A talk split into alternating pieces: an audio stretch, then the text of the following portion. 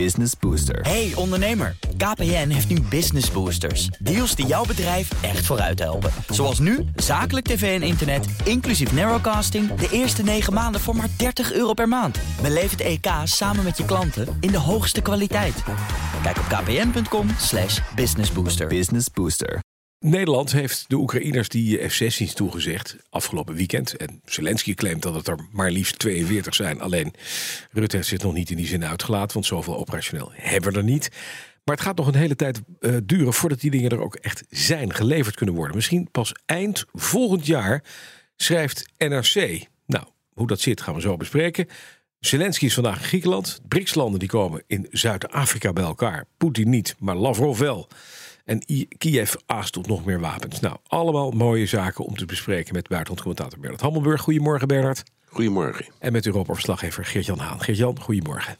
Dag Bas. Allereerst even naar jou voor het laatste nieuws. Hoe verliep afgelopen nacht, zowel in Rusland als in Oekraïne? Nou, veel gebeurd, eh, Bas. Eh, drones neergekomen in de regio Moskou en in Kryvyi Rih. Dat laatste is eh, een stad in Oekraïne waar president Zelensky vandaan komt, zijn geboortestad. Verder meldt de BBC dat er een einde is gekomen aan ehm, het leven en het gebruik van de Tupolev Tu-22. Ja, zeker. Dat is een hele snelle eh, bommenwerper en verkenningsvliegtuig, als ik goed ben geïnformeerd. In ieder geval toen die ooit als um, Sovjet-toestel uit de productie kwam. En uh, volgens Oekraïnse media uh, is daarmee de teller van uh, geneutraliseerde Russische vliegtuigen in drie dagen tijd op vijf gekomen. Dus Oekraïnse saboteurs zouden vijf verschillende Russische vliegtuigen in drie dagen tijd op verschillende Russische vliegvelden onschadelijk hebben gemaakt. Um, en verder uh, lazen we nog dat uh, Xi Jinping in Zuid-Afrika is aangekomen voor die BRICS Summit. En dat het Pentagon vannacht heeft gezegd dat de Amerikanen gaan meehelpen met de F-16-training van Oekraïnse piloten. Maar alleen Bas, als er meer Oekraïnse piloten zijn dan de Europeanen kunnen trainen. Dat is een hele belangrijke disclaimer. Ja, dat kan ik me voorstellen dat die disclaimer ingebouwd wordt. Dan brengt ons dat meteen bij het nieuws van NRC. Bernard, was rond de kerst 2024 krijgt de Oekraïne die Nederlandse F-16's, schrijft die krant. Waarom duurt dat zo ontzettend lang? Nou, er zijn een paar dingen die uh, samenkomen. In ja. de eerste plaats het opleidingstraject. Daar hebben we het al eerder over gehad. Ja. Piloten, maar ook mechaniciens. Mm -hmm. Denk erom. een heel belangrijk onderdeel. En ze, zegt de NRC, dat zal ook wel kloppen. Um, de Nederlandse, het Nederlandse ministerie van Defensie wil niet eerder van zijn uh, F-16's af.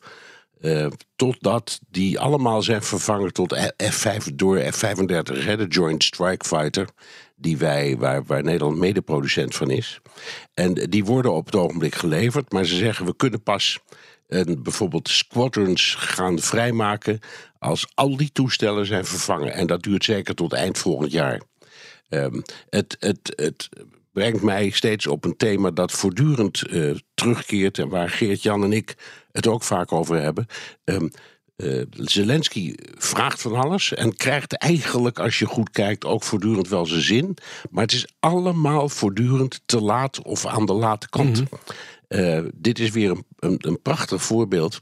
Nou, nou krijgt Zelensky ook F-16's van andere landen, van Denemarken en misschien ook van andere. Die zijn misschien wat sneller. Maar de, het, het verzoek of de wens om die dingen te, te krijgen, ja, dat is al zeker een jaar oud.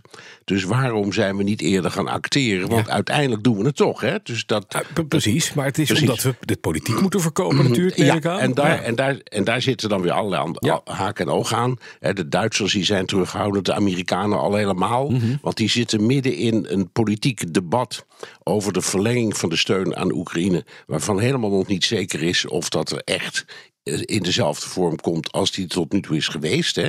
De Republikeinen in het congres die uh, liggen dwars. Trump en DeSantis zijn allebei mordicus tegen hulp aan Oekraïne. Dus er spelen allerlei krachten waardoor je steeds denkt: jongens, de, beslis nou. Ja, ook Biden, beslis, beslis nou wat ja. sneller. Dan kan het gebeuren. Als je dat niet doet, dan heb je een prachtige lijst van de meest geavanceerde wapens die uh, Oekraïne krijgt. Alleen het gebeurt niet. Ja, en dat is natuurlijk lastig inderdaad. Nog, ja. nog eventjes naar Zelensky, zoals al gezegd, in het weekend uh, bij ons in Nederland. Heeft dat de laatste duw gegeven? Of was dit eigenlijk de apotheose van het besluit van de Amerikanen van vorige week... om toe te staan dat Nederland en Denemarken ja, die dingen mogen sturen? Ja, natuurlijk. Amerika zei het mag. En op ja, dat moment heeft, heeft de, de regering Rutte meteen toegeslagen. Dat moet je ze nageven en mhm. dat zie je ze.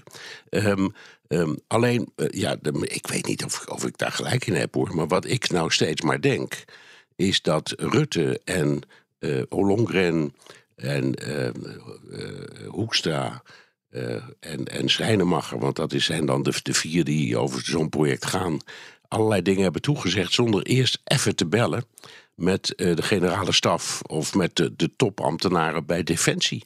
Want dat zijn degenen die nu zeggen: wacht even, dat kan helemaal niet zo snel. Dus ik, ik denk eerlijk gezegd de, de, dat het meer naïviteit is dan, dan, dan mm miscommunicatie of okay.